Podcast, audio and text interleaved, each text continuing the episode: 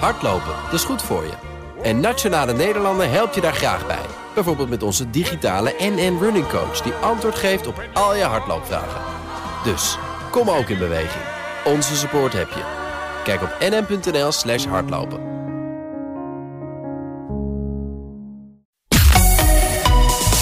BNR Nieuwsradio.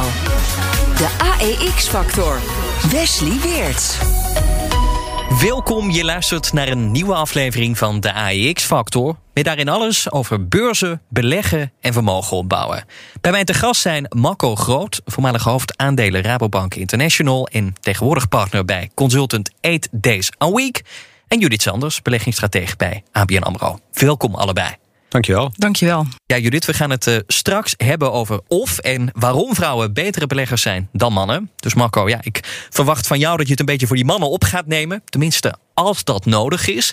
Nou, we gaan dat allemaal straks bespreken. We beginnen, zoals je van ons gewend bent, met een greep uit het uh, belangrijkste beursnieuws van de afgelopen week. Massive and mysterious, a global outage taking down Facebook around the world for hours. The company's leadership knows how to make Facebook and Instagram safer, but won't make the necessary changes because they have put their astronomical profits before people. De gasprijzen die gaan door het dak. Gas prices are at record highs across the world, but the situation has especially become a problem in Europe. Got late word in just the last hour from Elon Musk. He's pulling the trigger on a major decision. Musk says he's moving Tesla's headquarters from Silicon Valley to Austin. De beurzen die braken afgelopen tijd het ene na het andere record. De AX schoot zelfs nog even door die 800 punten grens. Maar dat feest dat lijkt nu wel een beetje voorbij, want we zien die gasprijzen exploderen. En die zorgde deze week ook voor een verkoopgolf op de beurzen. Donkerrode koersborden uh, zagen we op, uh, op de beurs. Uh, Marco, waar zijn die beleggers nou zo bang voor? Waar vrezen ze voor? Waarom staan die, stonden die borden zo diep in het rood? Ja, ik denk dat er twee factoren zijn. De, de ene is... De we hebben allemaal een beetje hoogtevrees aan het einde van een heel goed jaar. En wat uh, vrij uitzonderlijk is dat de winnaars van vorig jaar ook de winnaars van dit jaar zijn. Dus de, de, de, de neiging om winst te nemen is dan veel groter. In combinatie met angst voor inflatie. Ja. En gas is slechts één component daarvan. Maar het is duidelijk dat inflatie toch echt wel een, een issue begint te worden. Zowel de Fed als de ECB hebben gezegd dat, uh, dat de inflatie van dit moment transitory is. Ik vermoed het al een tijdje bij, bij, bij jouw collega Thomas in het programma gezegd. Ik denk dat inflatie structureel op een hoger niveau, niveau want, zal want liggen. de ECB en de Fed zeggen het is tijdelijk. Jij Ja. zegt nee, het is, het is niet tijdelijk. Wa- wa- Waarom niet? Want de, de Fed zegt bijvoorbeeld, nou, de dingen die we nu zien, als we bijvoorbeeld naar chiptekort ook, ook kijken, dat zijn allemaal tijdelijke componenten. eh, die op, het, op de duur is dat weg. En dan zouden we inflatie zou ook weg hebben. Ja. Eh, naar welke factoren kijk jij dan dat je toch zegt, nee, dit is iets structureels? Het is mijn mening dat het weer is volatiel. Dus oogsten worden moeilijker, waardoor ingrediënten voor voedsel eh, duurder worden. Internationaal hebben we wat meer last van geopolitieke spanningen, waardoor leveringen wat moeilijker worden. Containerprijzen blijven hoog. Eh, containers staan nog steeds aan de verkeerde kant van de oceaan. Er zijn zoveel factoren die ervoor zorgen dat eh, alle ERP-systemen die ieder, ieder proces helemaal strak heeft getrokken, niet kan omgaan met volatiliteit. Dus Ja. in ene zijn er heel veel redenen om volatiliteit te verwachten. Dingen die we eigenlijk al een beetje hadden kunnen zien aankomen. En in ene zegt de Fed en de ECB, ja, maar dit is transitory, eh, corona gerelateerd. Ja. Een aantal dingen daarvan zijn niet eh, transitory. Huizenprijzen gaan echt niet heel hard naar beneden. Energieprijzen zullen eh, wat hoger blijven. Dat pakje koekjes, dat is in prijs gestegen, gaat nooit meer naar beneden. Er zijn heel veel inflatiecomponenten die structureel eh, zijn op dit ogenblik. Ja, Judith, ben je het daarmee eens? Of sta je toch meer aan de Eh, kant van de centrale bank? Ehm, nou ja, ik, ik, ik, ik, ik onderschrijf wat, eh, wat jij eh, vertelt. Hè. Er er zijn natuurlijk wel een aantal zaken die van invloed zijn, die ervoor hebben gezorgd dat die inflatie nu fors opgelopen is. Zeker als je vergelijkingsbasis maakt eh, na een jaar geleden. Hè, dan, dan, dan is het heel hard opgelopen zelfs. Eh, ja, wij denken toch wel dat het een tijdelijk fenomeen is. Eh, zeker als we kijken naar de, bijvoorbeeld de opgelopen prijzen voor gas. Hè, want het, het- het nieuws wordt er daardoor gedomineerd. Maar ik vraag me af of dat nou hetgeen is wat die beurzen zo in beweging ja, want. Het is, het is een combinatie. Hè? Want beleggers hebben wel meer problemen aan hun hoofd op dit moment. Die centrale banken die de monetaire steun uh, misschien sneller dan verwacht uh, afbouwen. Inflatie die, die oploopt. Uh, hoge olieprijs. Chiptekorten. Ja, dus zo kunnen we wel even doorgaan. Het is een combinatie van heel veel dingen die er in ieder geval voor zorgt. op dit moment. Dat die beurzen omlaag gaan. Dat, dat er inderdaad zorgen zijn. En ja. zeker als je dat dan even terugkijkt naar, naar een jaar, anderhalf jaar geleden. Hè, toen we net in maart keihard onderuit gingen. We in lockdown gingen. De recessie een feit was. En het herstel en, en het tempo waarin het is heeft plaatsgevonden. Ja, dat is enorm. Dus dat een belegger wat nerveus wordt op dit moment. Hè, dat, dat we dat zien toenemen. Dat is denk ik heel erg logisch. Maar uh, als we gewoon kijken naar het economisch groeipad. Hè, dan is dat dan, ja, dan is het nog steeds uh, boven de trend. Uh, en verwachten wij ook dat het door gaat zetten. En denken we ook dus dat een, een, uh, een stapje terug op de beurs misschien een hele logische reactie, reactie is.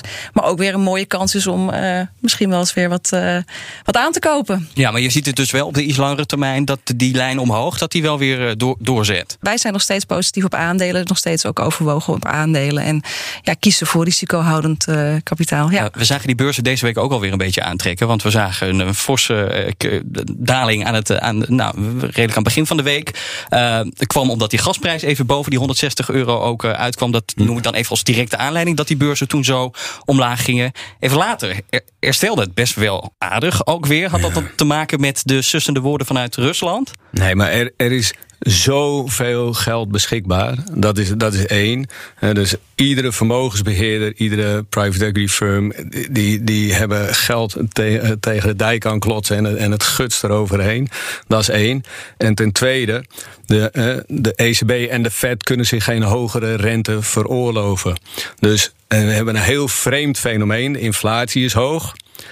En de rente gaat niet heel, harder, heel veel harder omhoog. Dus er is heel weinig keuze als je kijkt naar welke assets je nu wil bezitten. Als jij spaargeld hebt, hè, met, en ik heb het over hogere inflatie, dan heb ik het niet over 4, 5, 6 procent, maar niet die 2 procent waar de ECB en de Fed op sturen, maar 3, misschien 3,5 procent. En dan kan het ook een keer 2,5 zijn. En vergeet niet, de Fed heeft gezegd dat in de komende jaren het best acceptabel is als de, als de inflatie een paar keer naar 5 procent gaat. Hè. Ja. Die hebben ze niet uit een dikke duim gezogen. Er is een, een reden om dat te zeggen. Maar, maar terug wat ik net zei. Op het moment dat 1 januari met 3% inflatie, 1% vermogensbelasting en, en een paar basispunten negatieve rente, is jouw euro is in 96 cent waard. Dus je moet iets met je geld doen. Dan ga je randerende assets zoeken. Dus geen wonder dat mensen aan de ene kant bereid zijn om schuld op zich op te nemen. Want je schuld is dus ook nog maar 96 cent waard. Ja. En je asset, dus je huis of je, of je aandelenportefeuille... die kan die waarde wel corrigeren. Dus het is logisch dat, dat er geld naar titels als aandelen blijft uh, terugvloeien. Ja, je geeft aan dat uh, beleggers dus een beetje naar de, naar de beurs geduwd worden, Marco. Uh, maar tegelijkertijd schoten diezelfde beleggers ook in een soort van paniekstand toen die gasprijzen zo voorstegen. Dus kennelijk leeft niet bij iedereen die overtuiging dat uh, de bomen tot in de hemel groeien en dat het alleen nog maar omhoog kan gaan. Ja, ik, ik denk dat het gewoon een stukje ook wel het sentiment is wat een rol speelt. maar er waren natuurlijk ook wel een aantal factoren van de week die, die samenkwamen. Hè. Ook bijvoorbeeld het, het schuldenplafond in, in de Verenigde Staten. Ja. mogelijk dat, dat de, de overheid weer stilgelegd wordt.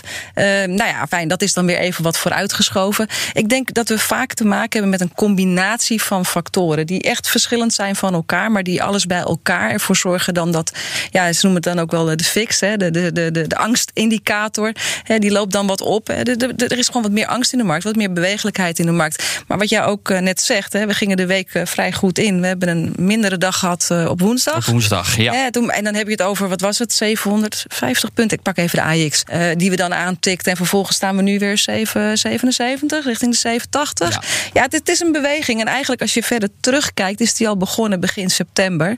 Hè, want we hebben het hoogste niveau ergens in augustus. En kijken we wat langer terug in het verleden, dan zien we dat september en oktober vaak maanden zijn die wat onrustiger zijn. Er zijn zelfs rapporten De dagen van, worden korter, de dus de beleggers worden somberder. Ja, nou ja, ja, je zou bijna zeggen dat dat het geval is. Maar ja, nogmaals, wij zien het als een korte termijn uh, ontwikkeling. Uh, de, de, bewegelijkheid kan echt toenemen. Uh, wellicht biedt het een kans op een slechte dag om eens een keer wat, wat aandelen uit te breiden. Maar voor de wat langere periode zijn wij nog steeds, zijn wij gewoon nog steeds positief. Duidelijk, er gebeurde meer op de beurs. Facebook stond natuurlijk ook in de belangstelling om twee redenen. Want het was misschien wel een van de zwaarste stormen sinds het Cambridge Analytica-schandaal voor Facebook deze week. Want de beurskoers die ging onderuit naar die zes uur lange storing. Nou, dat heeft iedereen denk ik wel gemerkt. Mm Dat je WhatsApp, je Facebook en je Instagram even niet werkte.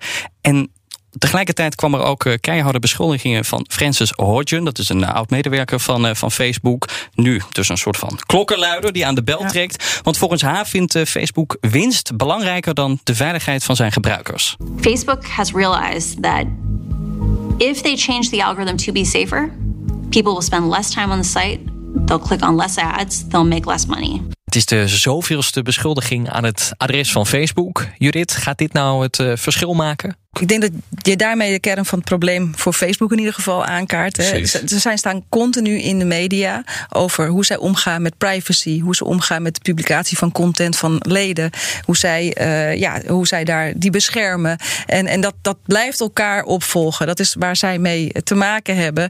En ik denk dat het vanuit Facebook gewoon zaak is dat zij openheid van zaken geven over uh, ja, hoe, hoe, hoe zij werken. En ook natuurlijk duidelijk aangeven hoe zij daarmee omgaan en met content van, van, van gebruikers omgaan. Nou ja, we zagen in reactie erop die beurskoers dalen. Maar is dit iets wat Facebook ook structureel raakt? Als je vraagt wat voor impact heeft deze specifieke gebeurtenis... of wat heeft deze specifieke storing gehad? Nou ja, ik denk die storing heel beperkt is. Het is zes uur, 3 miljard gebruikers, die keren gewoon weer terug.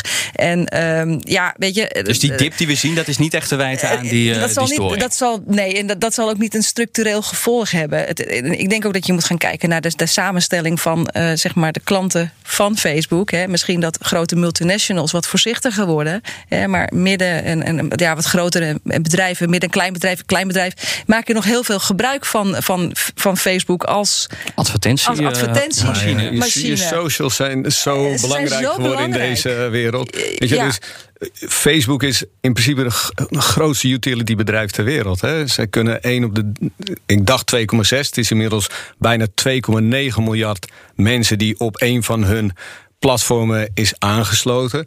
En hun business is traffic genereren en zorgen dat het sticky is. Dus het, is ongelooflijk wat, wat, wat de span of reach is van, van, van dit bedrijf is. Dus je wil er als uh, bedrijf aanwezig zijn en zichtbaar zijn. Dat betekent ook dat zij algoritmes hebben ontwikkeld die verkeer Sturen. Ja, dat is het verdienmodel van Facebook. Er zullen altijd mensen kritisch op zijn. Daarom, ja.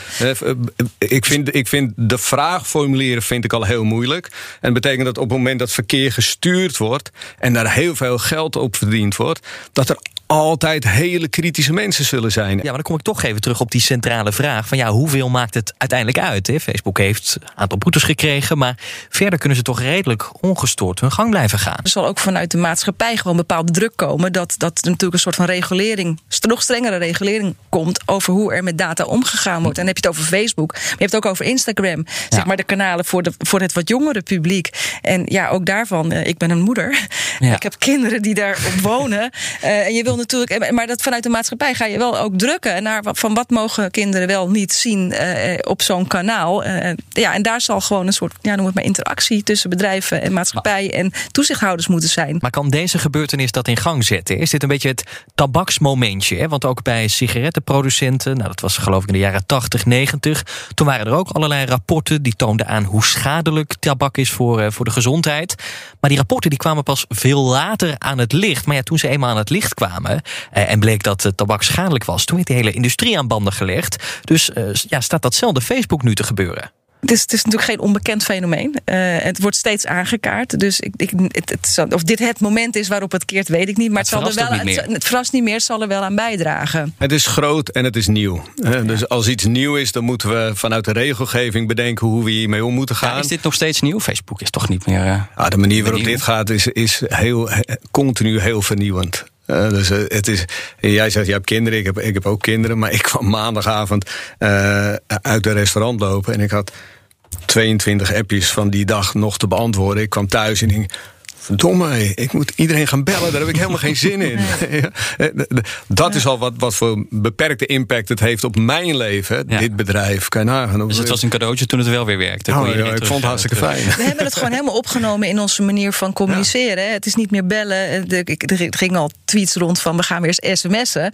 Maar het, ja, weet je, het heeft wel echt zijn plek eh, in ons leven dat gevonden. Dat werkt alleen... wel nog. Ja, ja. Dus, uh... ja dat, dat werkt wel. Dan moet ik zeggen, mijn, mijn sms-bundel heb ik de laatste jaren wel naar beneden bijgesteld. Moet niet, moet niet te vaak gebeuren, want dan, ja. dan kom ik niet uit met mijn, met mijn sms-bundel. Maar ja, inderdaad, dan moet je teruggrijpen op, op oudere alternatieven. Dus maar wel de ethiek rond, de, rond dit issue is, is ongelooflijk complex. Kun je, kun je, wat kun je doen om op te treden tegen Facebook? Want wat je ook ziet gebeuren, hè, we hebben het over eh, WhatsApp, Instagram, Instagram Facebook. TikTok. Dat zijn ook diensten die steeds meer met elkaar verweven zijn. Dus het gaat ja, vaak over opknippen van Facebook. Maar kan, kan kun je zo'n Waar wil je tegen opknippen? optreden? Nou ja, tegen al dat soort schandalen. Hè? Desinformatie, uh, allerlei haatopstuwende algoritmes, uh, verkiezingen, uh, gemanipuleerde verkiezingen, privacy-schandalen, machtsmisbruik. Nou ja, zo kan ik nog wel even doorgaan. Daar wil je tegen optreden. Maar hoe doe je dat? Is het het risico op of het feit dat het ook daadwerkelijk gebeurt? En als Facebook die data gebruikt, gebruiken ze die dan of misbruiken ze die dan? Het definiëren van, van die issues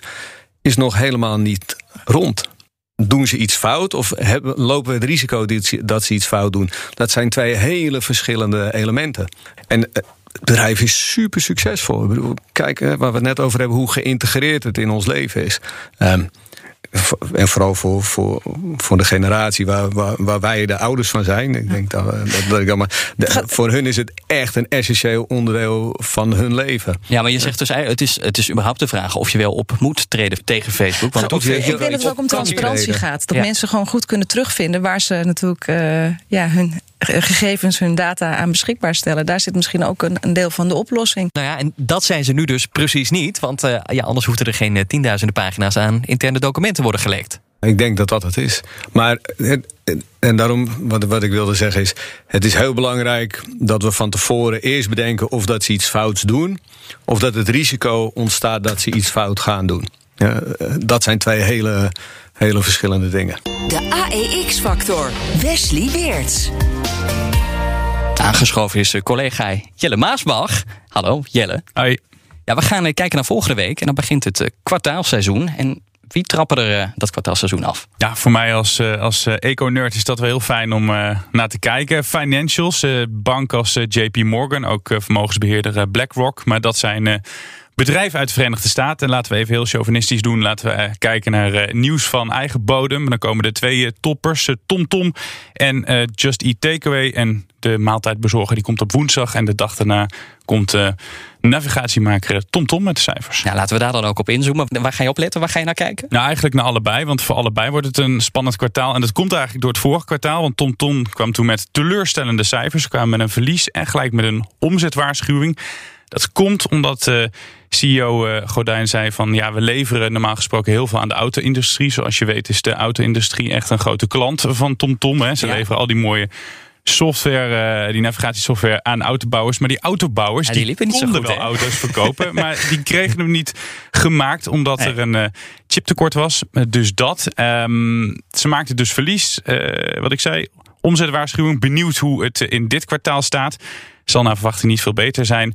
Ja, en dan uh, eigenlijk uh, Just Eat Takeaway. Ja, maar die hebben, die hebben geen klagen gehad de afgelopen tijd. Hè? Iedereen, nou ja, toen we de lockdown hadden, we gingen massaal online bestellen. Dus die hebben goede tijden gehad. Nee, nou ja, dat is natuurlijk altijd mooi met het kwartaalseizoen. Dan kijk je terug. Maar we gaan vooruit kijken. Heel benieuwd hoe we vooruit gaan kijken. Want ja, je zal het zelf ook al gemerkt hebben. We kunnen weer meer uit eten. Dus we gaan ook minder, als het goed is, maaltijden bestellen. Um, en de vraag is of zij er ook last van zullen krijgen. Dus benieuwd hoe dat in de cijfers door gaat werken van Just Eat. Nou, dat gaan we volgende week zien. En er is meer nieuws volgende week. Ja, ik mag volgende week heb ik de eer om achter jouw microfoon te gaan staan. Dan mag ik het programma gaan presenteren. Dus heel veel zin om weer terug te zijn op zender bij BNR. Daar kijk ik er ook naar uit. BNR Nieuwsradio. De AEX-factor. Wesley Weerts. De beurs is een heus mannenbolwerk. Naar schatting is slechts eh, een kwart van de particuliere beleggers vrouw. En tegelijkertijd wordt er ook wel eens heel zachtjes gefluisterd dat vrouwen toch de betere beleggers zijn dan mannen. Nou, of dat ook zo is, dat, dat gaan we zo nog uitgebreid bespreken. Maar eerst moeten we denk ik proberen te verklaren hoe dat het nou komt dat vrouwen toch wel huiverig misschien zijn om te gaan beleggen. Uh, Judith, daarvoor ben jij onder meer uh, aangeschoven. Waarom is dat toch? Waarom zijn vrouwen huiverig om die beurs op te gaan? Ja, nou ja, ik denk dat je een beetje terug moet kijken naar, naar, naar hoe vrouwen tegen geld in het algemeen aankijken. En ik, vooropgesteld, ik ga niet generaliseren. Uh, het zijn natuurlijk ook uh, onderzoeken die ik aanhaal, ervaring vanuit mijzelf, wat ik heb meegemaakt in de jaren dat ik uh, in de financiële wereld werkzaam ben. Maar als je gewoon met vrouwen praat over geld, dan kijken zij vaak op een andere manier tegen geld en vermogen aan dan mannen. misschien heel simpel geformuleerd, voor vrouwen is het hebben van, geen van geld geen doel op zich. Het is een middel om doelen te bereiken bereiken. Nou, en als je dat in je achterhoofd neemt en je kijkt naar de manier waarop er gecommuniceerd wordt in de financiële wereld over beleggen, op een hele technische manier en vaak ook een hele spannende manier. Uh, het wordt ook vaak wel een beetje geassocieerd met gokken. Ja. En dan noem je een aantal zaken die vrouwen vaak niet interessant vinden en eigenlijk zelfs een beetje afschrikwekkend vinden. Maar vinden mannen dan geld verdienen belangrijker dan vrouwen? Is dat wat je zegt? Uh, nou, ik denk dat, uh, dat, mannen niet per definitie geld belangrijk, verdienen belangrijker vinden. Ze kijken gewoon anders naar hoe zij ermee omgaan. En, en daarin zit een, een stukje. Uh, ja, vrouwen zijn wellicht wat voorzichtiger met het geld. Hè. Ja. willen het ook meer gebruiken om voor zichzelf, maar ook voor de mensen om zich heen. dus ze, zien, ze hebben gewoon andere doelen met geld. Uh, lijkt het dan mannen. Ja, willen ze het in die zin, hè, want als het bijvoorbeeld gaat over allerlei technische begrippen en een beetje ook dat pronken, pronken van het geld. Uh, ik kan me ook voorstellen dat vrouwen misschien, um, nou, als ik in mijn eigen omgeving kijk, heel klein marktonderzoekje, daar zitten ook mannen die beleggen en uh, nou, die hebben eigenlijk helemaal geen echt beleggerservaring, maar die hebben twee keer succesvol ergens in belegd. Die denken, nou, dat heb ik lekker gedaan. Nu, kan, nu ben ik een echte, echte belegger. Ik kan me voorstellen dat vrouwen misschien um, ja, veel meer in detail eigenlijk echt willen snappen wat ze doen. Ja. Uh, en dat ze ook veel minder snel geneigd zijn om dan die stap te zetten als ze het nog niet helemaal begrijpen hoe dat het beleggen werkt. Ja, je slaat de spijker op zijn kop. Voordat vrouwen beginnen met beleggen, de tijd dat ze erover na gaan denken en daadwerkelijk gaan starten, die tijd daartussenin, die oriëntatiefase is vaak veel langer en ook veel grondiger. Ze willen veel meer weten over wat is beleggen. En dan is het niet zo van beleggen is uh, kopen een aandeel, aandeel. Nee, dan willen ze weten wat is een aandeel. Ja. En, en wat, wat is het risico van een aandeel? En waar, wat kan, kan het mij opleveren? Gaan ze dat, dat aandeel ook helemaal uitpluizen het dan? Wordt van wat werkelijk is het voor bedrijf? letterlijk uitgeplozen. En dat hele belegging, beleggingstraject gaat op die manier. Ja, dus we ja. generaliseren toch nu een beetje. Maar goed, dat, dat daar ook ontkomen natuurlijk, uh, natuurlijk niet nou aan. Je hebt het net over van als ik twee, bij mannen twee keer goed gedaan, ik kan het. Hè? Dus er is een recent onderzoek van de Nederlandse bank uh, geweest die aantoont dat vrouwen vaak um, wat minder zelfverzekerd zijn als het gaat om het nemen van financiële beslissingen. Ja. Dus het, het, is niet gek. Uh, dat, dat, heeft ook te maken met die financiële geletterdheid, toch? Dat Tenminste, heeft... dat, volgens mij doet, is dat het rapport waar je over hebt. Dus dat ja. gaat dan over van ja, hoe, hoe, goed financieel geletterd zijn mannen, ja. hoe goed financieel geletterd zijn vrouwen. En vrouwen zijn minder financieel geletterd, maar dat heeft dus ook te we maken doen het minder. Vrouwen, ja, en, maar vrouwen schatten zichzelf ook lager in. Ze en kunnen ze meer dan ze ja, denken. Ze kunnen meer dan ze denken. En, en we doen het in principe minder. Je had het over 25 procent. Ja. Um, dus ja, er zijn gewoon simpelweg minder vrouwen die beleggen.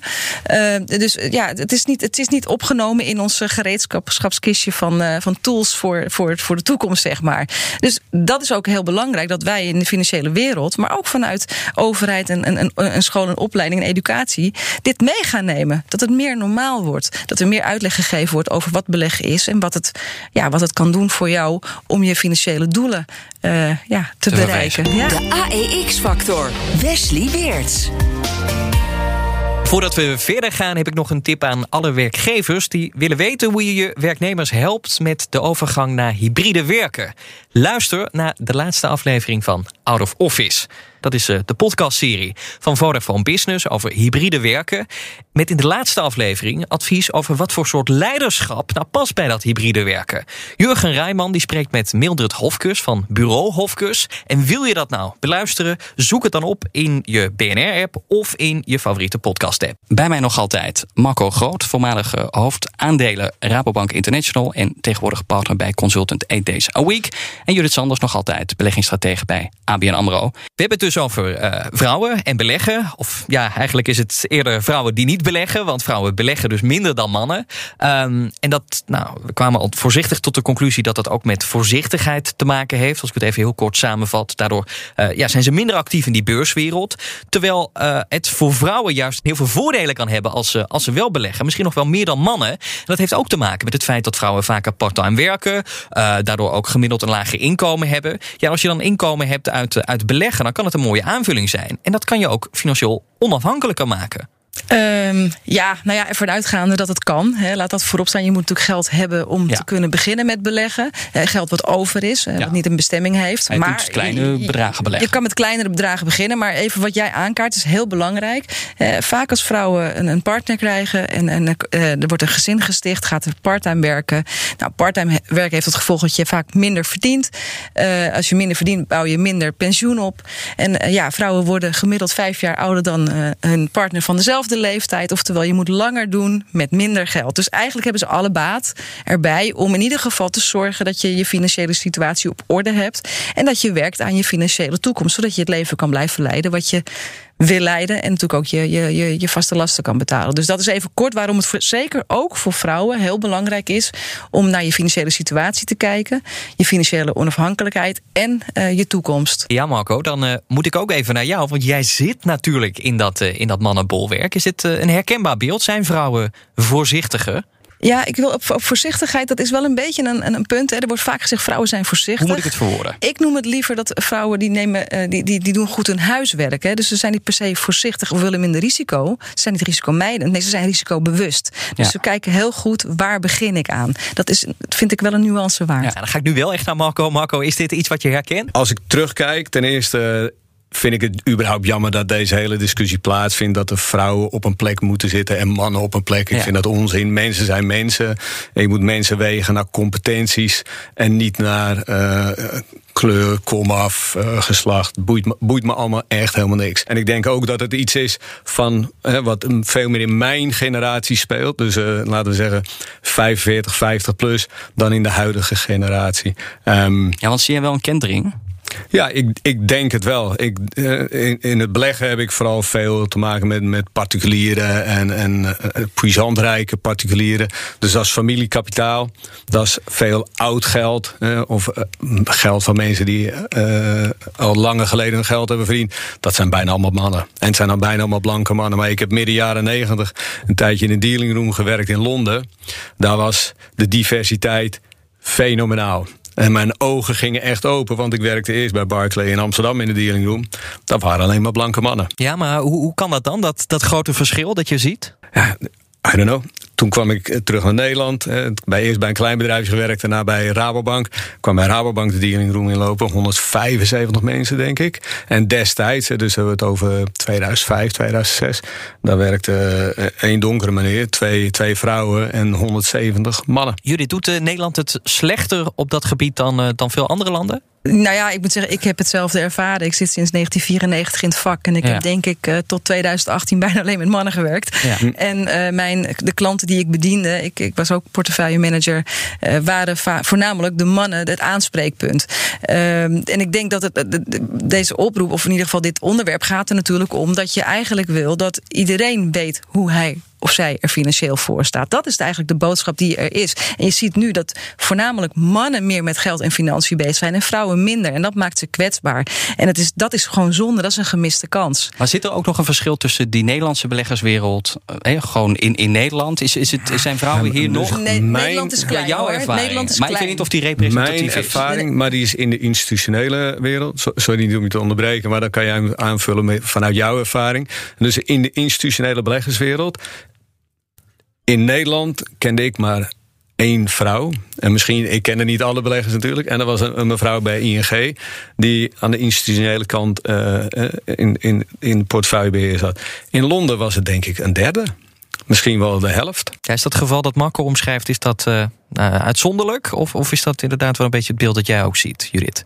Ik denk inderdaad, er is wel het nodige veranderd in de afgelopen jaren. Ik werk natuurlijk zelf bij ABN AMRO. En als ik kijk naar het team uh, aandelen- en obligatie-experts wat wij hebben... dan zie je toch wel dat er uh, ja, meer vrouwen zijn. Steeds meer vrouwen zijn. En wat wel opvallend is, dat de vrouwen die als aandelen-expert weer werkzaam zijn... vaak ook weer op het duurzaam beleggen vlak actief zijn. Ja. Dus, uh, maar je, je, ziet echt wel dat het steeds meer een, een, een mix van mannen en vrouwen... en achtergronden gelukkig wordt. En dat maakt teams natuurlijk alleen maar sterker. Ja. Maar dan heb je het echt over de beleggingskant, hè, zeg maar vanuit de, de, de, de branche. En, en waar, we, waar we het hebben over beleggen en vrouwen, dan is het de andere kant van de tafel. Ja, dan laten we daar onze pijlen dan ook eh, even op, op richten. Op die particuliere beleggers. Hè, want bij bedrijven, of in ieder geval beleggers die het professioneel doen, dan zou je nog kunnen zeggen: ja, vrouwen lopen tegen een glazen plafond aan. Uh, en daardoor zitten ze minder in die beleggingswereld. Maar ja, particulieren, er wordt niemand een strobreed in de weg gelegd om uh, een beleggers-app te installeren en aan beleggen te slaan. Uh, en die drempel die is net zo hoog of net zo laag voor, voor mannen als vrouwen. Dus ja, je hebt toch geen barrières, zou je zeggen? Kijk, vanuit de financiële wereld is beleggen vaak op een vrij mannelijke manier benaderd. De communicatie is ook heel mannelijk. Het is vaak heel technisch. Het is, uh, de, veel, vaak wordt ook nog beleggen wel geassocieerd met gokken. Dus de, de manier waarop over beleggen gesproken en gecommuniceerd wordt, is een manier, zoals ik net ook aangaf, vrouwen kijken anders naar geld uh, dan mannen, die dan niet aansluit bij de wensen en doelen zoals vrouwen die voor zich zien, wat het geld voor hun moet doen. Dus het is heel belangrijk dat vanuit de financiële wereld de manier van communiceren ook meer gericht wordt op wat vrouwen belangrijk vinden uh, aan het omgaan met geld en het beleggen. Het is niet zo dat vrouwen per definitie niet geïnteresseerd zijn of niet willen. Ze associëren het met iets wat niet bij hun past. Als je dat gewoon uh, ja, vrouwen daarin meeneemt, dan zie je eigenlijk dat vrouwen uh, heel geïnteresseerd zijn in beleggen en vaak ook hele goede beleggers zijn, om een paar even mee te pakken. Nou ja, en misschien wel terecht, want zijn vrouwen betere beleggers dan mannen? Als we, als we kijken naar bijvoorbeeld rendement. Ja, ja, kijk, er zijn onderzoeken die aantonen dat vrouwen gemiddeld gezien een hoger rendement behalen. Maar er moet wel nuance bij. Waarom is dat? Het is niet omdat ze een beter vooruitziende blik hebben of een glazen bol hebben.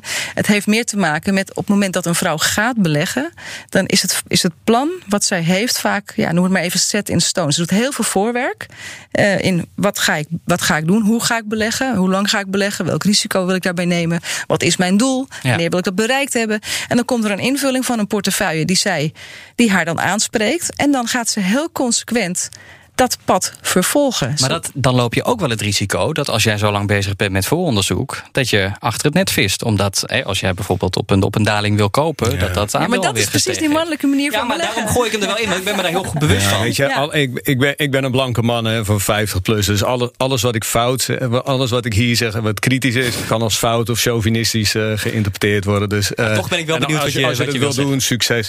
Um, weet je, ik denk dat er heel veel slechte beleggers zijn. Um, en er zijn heel veel meer mannen dan vrouwenbeleggers. Dus als we de hele slechte beleggers bij de mannen eraf halen... en gewoon de, de mensen die goed hun voorwerk doen eruit halen... Hè, dus eigenlijk de, de proef in aantallen gelijkstellen uh, bij mannen als vrouwen... Ja. dat het rendementsverschil niet heel groot zal zijn. Um, en ik vind, ik vind het jammer dat we nu...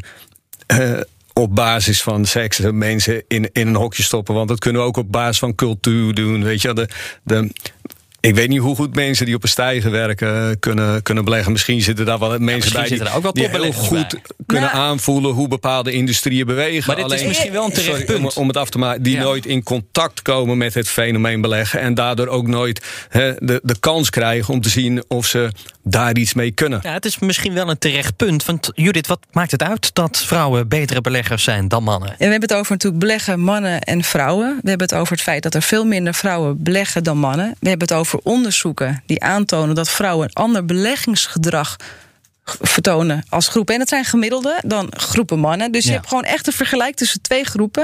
En het enige wat leuk is om aan te geven...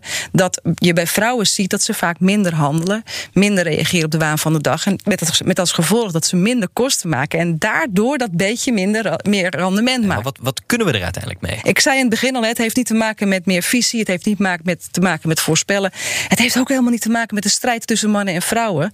Het heeft te maken met het feit dat je met dit soort onderzoeken wil laten zien aan vrouwen. kijk, je kan het. Het is ook een generatiedingetje. De dames met wie ik vroeger in mijn rol als vermogensbeheerder sprak, dat waren 50, 60, 70 toen de tijd. En dan was de rolverdeling heel traditioneel thuis.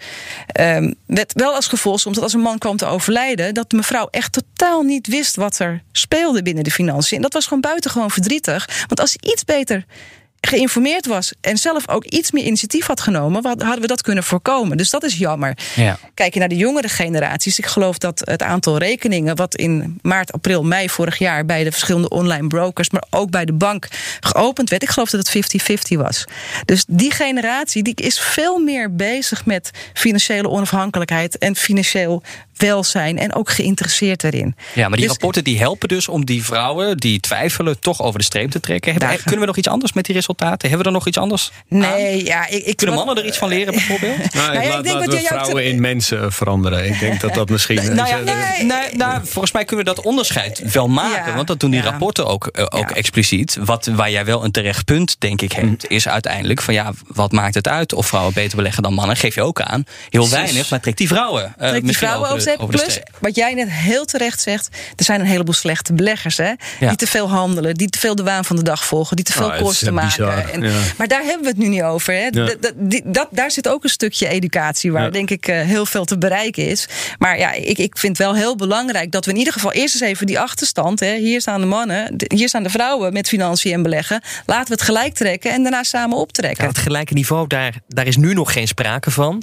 Ehm, we weten ook dat zonder risico geen rendement. Dus als je als vrouw wat vaker de kat uit de boom kijkt, loop je ook het risico dat eh, ja, je dat misschien iets te veel doet, waardoor je aan het eind van de rit helemaal niet die studiepot hebt opgebouwd voor je kinderen of, of, of die lekkere aanvulling op je, op je pensioen hebt. Ik denk dat dat, dat, dat niet hoeft te gebeuren. Kijk, en eh, te voorzichtig, je kan niet voorzichtig genoeg zijn. Je moet je huiswerk maken, je moet weten waar je in investeert. Ik Ja, denk te voorzichtig genoeg. Als je helemaal niet de beurs eh, betreedt, ben je. Nee, oké, maar dan heb je het over verschil tussen sparen Ja. en beleggen. Maar ik ga ervan uit dat op het moment dat je gaat beginnen met beleggen, hè, dan moet je gewoon weten waar investeer ik in en wat zijn de instrumenten en welke mix van beleggingsinstrumenten past het best bij mijn. Bij mijn doelstelling, dat stukje huiswerk, dat moet je maken. Ja. Eh, dus je moet gaan bepalen van ja, hoeveel geld heb ik? Welk doel wil ik bereiken? Wanneer wil ik het bereikt hebben? Hè, wat is mijn eh, financiële eh, ja, risicoprofiel, maar ook emotioneel? Hè? Hoe sta ik erin als het even wat minder gaat? En dat tezamen maar kom je tot een beleggingsmix die bij jou past. En dan zijn de meeste vrouwen niet voorzichtiger dan mannen. Dus he- dat profiel, dat als ze begrijpen waarom dat bij hen past, Ja. wat de voor's en de tegens zijn en hoe de invulling is, dan zijn ze niet meer risicomijdend. Nee, dus dat zit weer in is het voortraject, Dat zit in het eh, ja. voortraject. Dus dan zijn ze gewoon risicobewust. En dat is ook iets wat, je, wat ik eigenlijk iedereen gun die gaat beleggen. Mannen of vrouwen. Maak dat stukje huiswerk. Zorg dat je portefeuille bij jou past. En dan is het een kwestie van consequent blijven beleggen eh, voor de wat langere termijn. En dan, ja, dan kan het studiepotje van je kind. Of nou ja, welk persoonlijk financieel doel je er ook aan koppelt. Hè? Eh, ja, dan is de kans dat je dat bereikt het grootst. Ja, ik gooi me er net al even in, maar ik heb daar nog geen antwoord eh, op, op gekregen. Als we kijken naar eh, eh, mannen, ja, die doen het dan gemiddeld toch iets, ja, sorry Marco, ietsje sle- slechter. Wat kunnen mannen leren van, eh, van vrouwen? Ja, wat kunnen mannen leren van vrouwen? Ik denk dat mannen kunnen leren van beleggers die consequent zijn en zich niet laten meeslepen door de waan van de dag. Want dat is wat we hebben het net aan het begin ook al even gehad over het feit dat die beurs misschien wel wat hoog nu staat hè, Ja. of, of laag staat. En wat moet ik daar nu mee doen? En korte termijn verwachtingen die er zijn, hoe moet ik daarop inspelen? Ja, iedere dag gebeurt er heel veel op de beurs. En op iedere gebeurtenis zou je een beslissing kunnen koppelen. Kopen, verkopen, bijkopen, middelen, noem maar op. Als je dat gaat doen, loop je echt het risico dat je te veel kosten gaat maken en te veel achter de feiten aanloopt. En ik denk dat dat een hele belangrijke beleggingsles is. Dat kost gewoon te veel geld en dat kost dus rendement. Je kan wel inspelen op ontwikkelingen, maar dat moeten niet de ontwikkelingen van iedere dag zijn. Dat is voor een particuliere belegger is dat eigenlijk niet te volgen en, en, en ja, een kostbare zaak. Marco, zie je dat inderdaad? Dat mannen misschien een beetje gretig te werk gaan als ze eenmaal aan het beleggen geslagen zijn? wat er over geschreven is. En het schijnt ook iets met testosteron te maken hebben. Ja, dat werd er, ja, ook over, Eh, eh. Wetenschappelijke onderzoeken die dat onderschrijven. Ehm, weet je, ik, ik denk dat in het algemeen beleggen begint met... ik wil geen geld verliezen. Eh, dus dat, dat is stap één. En de volgende stap is, ik wil een basisrendement maken. En, eh, en de volgende stap is, ik wil een hybride ah, eh, stukje van mijn portefeuille inrichten in dividend en groei. En het volgende stukje is, ik wil iets wat geen dividend betaalt, maar wel heel hard groeit. Bijvoorbeeld Facebook. Hè? Ja. En het laatste stukje is, ik wil ook hele spannende dingen doen. En ik denk, als we dan blijven generaliseren, dat mannen eerder geneigd zijn om in dat hele wilde stukje uh, wat bravoure te tonen. Um, en daar actiever in zijn. En verbaal zijn over de successen en minder verbaal zijn over de dingen, over, over, over de momenten waarop het, uh, waarop het misgaat. En ik denk dat je op die manier uh, beleggingscategorieën in kan gaan uh, delen. En misschien dat het dan het volgende onderzoek interessant is om te kijken welke mensen zich in welke categorie uh, uh, begeven. Ja, dus eigenlijk is dit een oproep aan alle onderzoekers die hier onderzoek naar doen van breid dat onderzoeksgebied vooral ook uit. Ik ben een cursus beleggen aan het schrijven. Ik heb met de cursus dividend beleggen geschreven samen met mensen van de Beleggers Academy. En uh, vooralsnog hebben, is de interesse van mannen en vrouwen is meer gewogen naar vrouwen dan mannen. Maar dat zit er uh, misschien ook in het vooronderzoek. Ja, ja. zij dus willen dat, heel graag learnings, ja, absoluut. Dus uh, dat vind ik heel spannend voor, voor volgend jaar. Ik ga je toch een beetje plagen, nog één keer onderscheid maken. En het is iets dat Judith opgeworpen heeft. Want Judith, jij zei eerder deze uitzending van als vrouwen eenmaal aan het beleggen zijn, dan uh, hebben ze eerder de neiging om duurzaam te beleggen.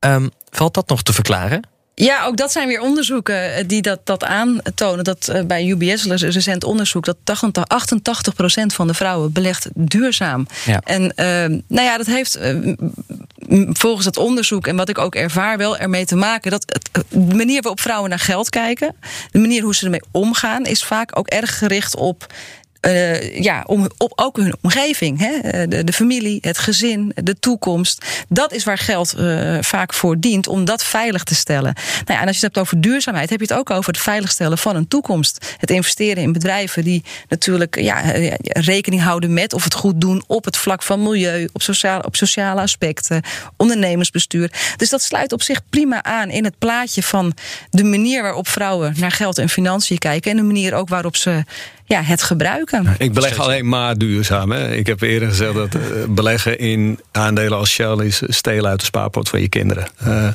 misschien heb je dan een beetje toch de vrouwelijke eigenschappen. Ja. Maar je ziet ook he, dat het niet alleen bij vrouwen zo is. Hè. Je ziet natuurlijk dat steeds meer beleggen mainstream wordt. Er is een kentering. Ja, maar dit zijn gewoon onderzoeken mooi. die natuurlijk leuk ook zijn om, om aan te tonen en, en, en het, het idee te geven hoe, hoe de verdeling is. Maar gelukkig gaan steeds meer mensen duurzaam beleggen. Ja, dat is natuurlijk voor ons allen heel belangrijk. Nou, dat lijkt me een uh, mooie afsluiter. Dank jullie wel, Marco Groot, voormalig hoofd aandelen Rabobank International. Tegenwoordig partner bij consultant 8 Days a Week. En Judith Sanders, beleggingsstratege bij ABN AMRO. Ik hoop dat je volgende week vrijdag om 7 uur weer luistert naar een nieuwe aflevering.